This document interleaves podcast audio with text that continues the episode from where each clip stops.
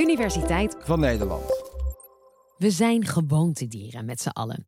We werken gemiddeld vier dagen van 9 tot 5. Want, ja, zo zijn we dat nou eenmaal gewend. Maar zou het ook anders kunnen?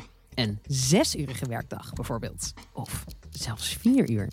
Als je heel gepassioneerd bent over je werk, dan kan je best in vier uur in een soort diepe flow terechtkomen en optimaal presteren. Dit is Annette de Lange van de Open Universiteit.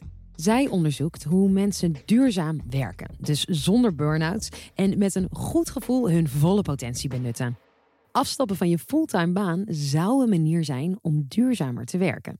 De meeste experimenten lieten zien dat als je minder uren gaat werken, dat dat vaak gezondheidswinst oplevert. Niet altijd productiviteitswinst, maar wel gezondheidswinst. Maar er zijn ook experimenten die niet positief uitpakten, zoals in Zweden. A six-hour workday experiment has been abandoned.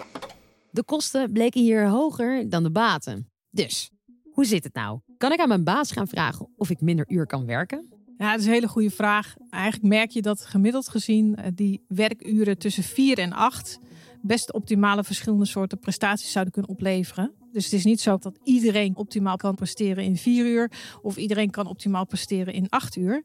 Er zit een zogenaamde diversiteit in mensen en ook in het type werk wat ze uitvoeren. De een doet zijn werk in 8 uur, maar voor de ander kan 4 uur juist ideaal zijn. Waarom houden we dan zo hard vast aan die achturige werkdag, soms wel vijf dagen in de week? We hebben eeuwenlang toch echt wel zes dagen gewerkt. En het was voor de industriële revolutie eigenlijk best wel normaal om 75 uur per week te werken. Blijft heel weinig leeftijd over, hè? dus het is alleen maar werken. Um, nou, dat zie je dan aan het einde van de 19e eeuw. Dat kwam ook in het kader van de Franse revoluties die daar plaatsvonden en uh, stakingen. Werd er eigenlijk geopteerd van: hé, hey, dit is eigenlijk niet redelijk. Dus we willen andere arbeidstijden. En dat werd ook extra aangewakkerd door de industriële revolutie, die ervoor zorgde dat we veel makkelijker meer konden produceren met minder mensen. Dat maakt uit of je meer of minder uren kan maken. Nou, in dit geval gaf men dus eigenlijk aan, we kunnen met minder mensen, minder uur, meer productie bereiken door de inzet van die fabrieksopstellingen, de machines die geïntroduceerd werden. En in 1919 kwam er de arbeidswet, uh, waarin voor het eerst de werktijden voor volwassen mannen werd vastgesteld. Hierin stond dat de gemiddelde werkdag 8 uur mocht duren en een werkweek 45 uur. Nou is het wel zo dat tijdens de Tweede Wereldoorlog, omdat er gewoon veel mensen natuurlijk eh, moesten vechten en de productie hier en daar lastig vorm te geven was, dat het tijdelijk verhoogd was naar 55 uur. En pas in 1965 hebben we weer nieuwe afspraken gemaakt over arbeidstijden.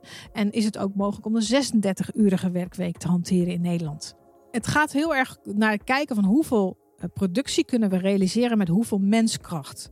En ik verwacht ook juist nu weer, hè, we zien ook weer iets meer stakingen, dat men toch weer daarover in gesprek wil. Want uh, de digitale revolutie komt eraan. En kan de wisselwerking, de samenwerking tussen techniek, uh, digitale uh, toepassingen, artificial intelligence en mensen ervoor zorgen dat je met minder uren dezelfde productie kan vormgeven. Dus dan moet je op zich ook minder uren kunnen werken. Allerlei bedrijven en organisaties namen de proef op de som. Bijvoorbeeld een Duits techbedrijf. Daar introduceerden ze een vijfurige werkdag. En die hebben onderzocht van, hey, gaat het nou ten koste van onze productie, winst, et cetera? En die lieten zien dat dat niet het geval was. In dit geval gaat het om technici, ICT-ontwikkelaars. En daar gaf men ook aan van, ja, wij hebben wat meer flexibiliteit in onze klantcontactcommunicatie. Dus we kunnen zelf beslissen wanneer we welke uren vormgeven. Daardoor is het ook makkelijker in dit geval die vijf uur te omarmen. Maar het is een succesvolle trial geweest. Dus ze hebben ervoor gekozen om die vijf-urige werkdag te hanteren. Terwijl de medewerkers, dat is belangrijk, dezelfde salaris krijgen voor een acht-urige werkdag. En ze hebben ook behoud van hun vakantiedagen. Andere interessante invalshoek is de UK of de Engelse trial om 61 bedrijven om van een vijfdaagse werkweek naar een vierdaagse werkweek te gaan. En ze hebben gekeken van wat levert dat nou op? Nou, die 61 bedrijven die zijn daar echt wel enthousiast over geworden. Zelfs is het zo dat 92% van de betrokken organisaties zeggen van wij willen eigenlijk hier wel mee verder. Want we zien gezondheidswinst bij onze medewerkers, betere werk-privé-balans. Onze winst blijft eigenlijk wel op peil. Productiecijfers leiden er ook niet echt onder. En de groep is heel enthousiast. Het is zelfs zo dat 18 van de 61 bedrijven hebben gezegd: wij maken hier gewoon vast beleid van. Dat vind ik altijd het mooiste wat je kan bereiken, want dan geeft iemand aan: ik borg dit ook, ik verduurzaam dit.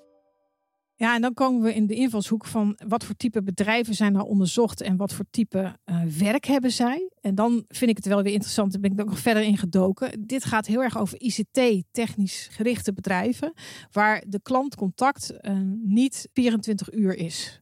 Het is ook niet te vergelijken bijvoorbeeld met een zorgorganisatie, waarin patiënten ook 24 uur aandacht nodig hebben. Nou, bij die ICT-achtige organisaties, daarvan verwacht ik, nee, daar kan je echt wel leunen op die trials. En zou je ook inderdaad die experimenten in Nederland nu zou je moeten toe kunnen passen. Hetzelfde geldt met de zakelijke dienstverlening, waar misschien wat meer flexibiliteit mogelijk is.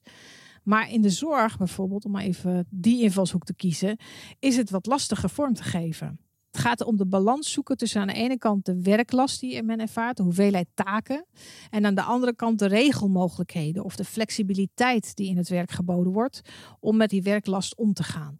Denk bijvoorbeeld aan um, zelf te bepalen wanneer je welke werkuren roostert, zelf roosteren. Maar het gaat om pauzes kunnen nemen. Maar ook bijvoorbeeld uh, besluitvorming in wanneer ga ik waar werken. Om maar even wat voorbeelden te noemen. Dus als ik zes uur per dag wil gaan werken en voor acht uur betaald wil worden, moet ik een flexibele baan hebben en taken die ik zelf kan indelen. Maar verhoog je dan niet gewoon de werkdruk als je acht uur aan werk in zes uur probeert te proppen?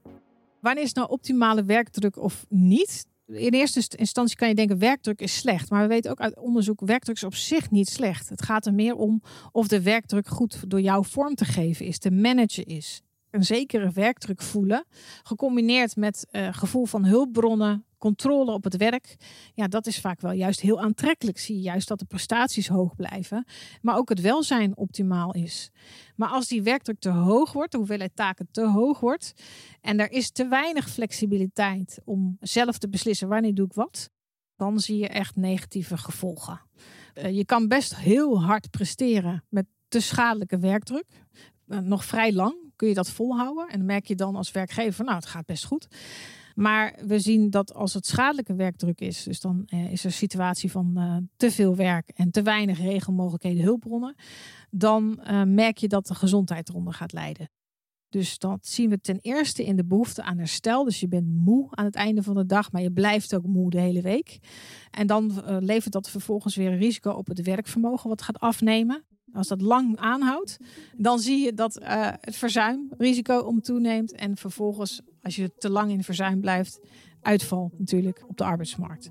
Dus ik zeg altijd, je kunt je, je, je personeel, wij, spreken de hoogste werklast een tijdje lang vragen.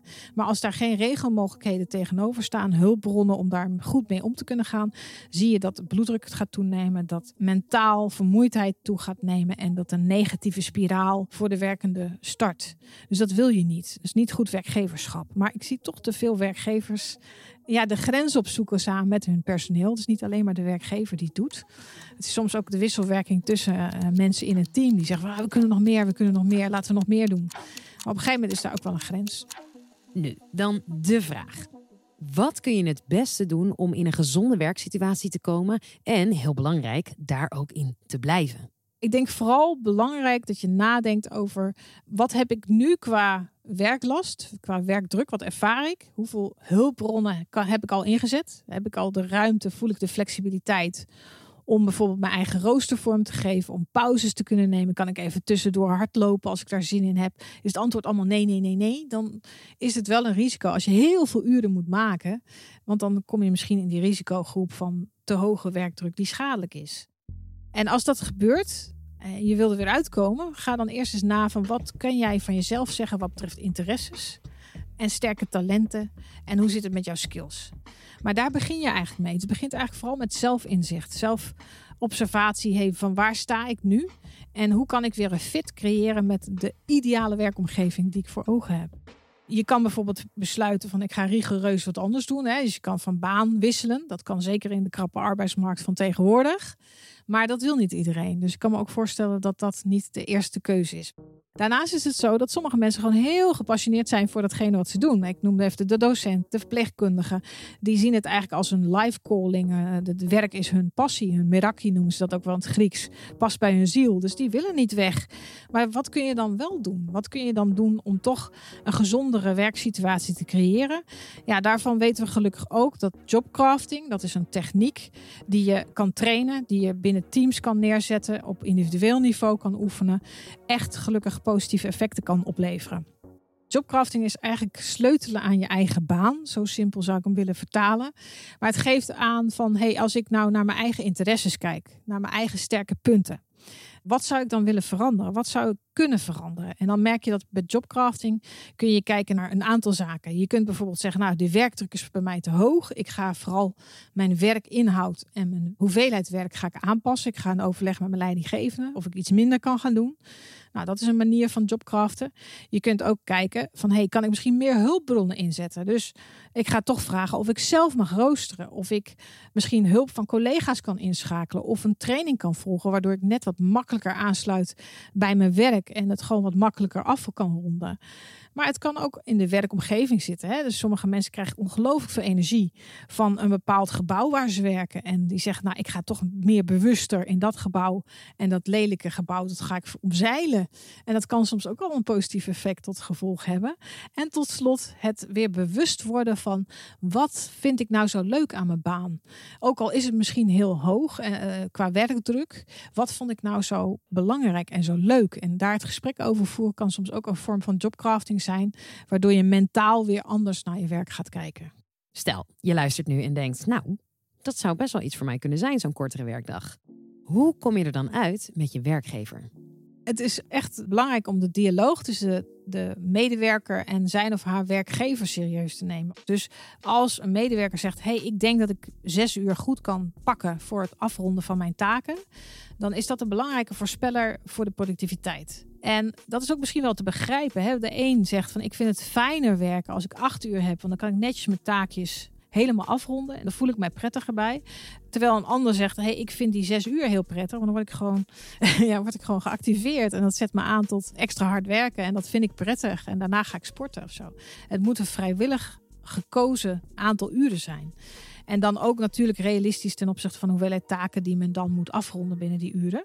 Maar als daar een goede dialoog over is, dan zou die zesurige dag prima toe te passen kunnen zijn.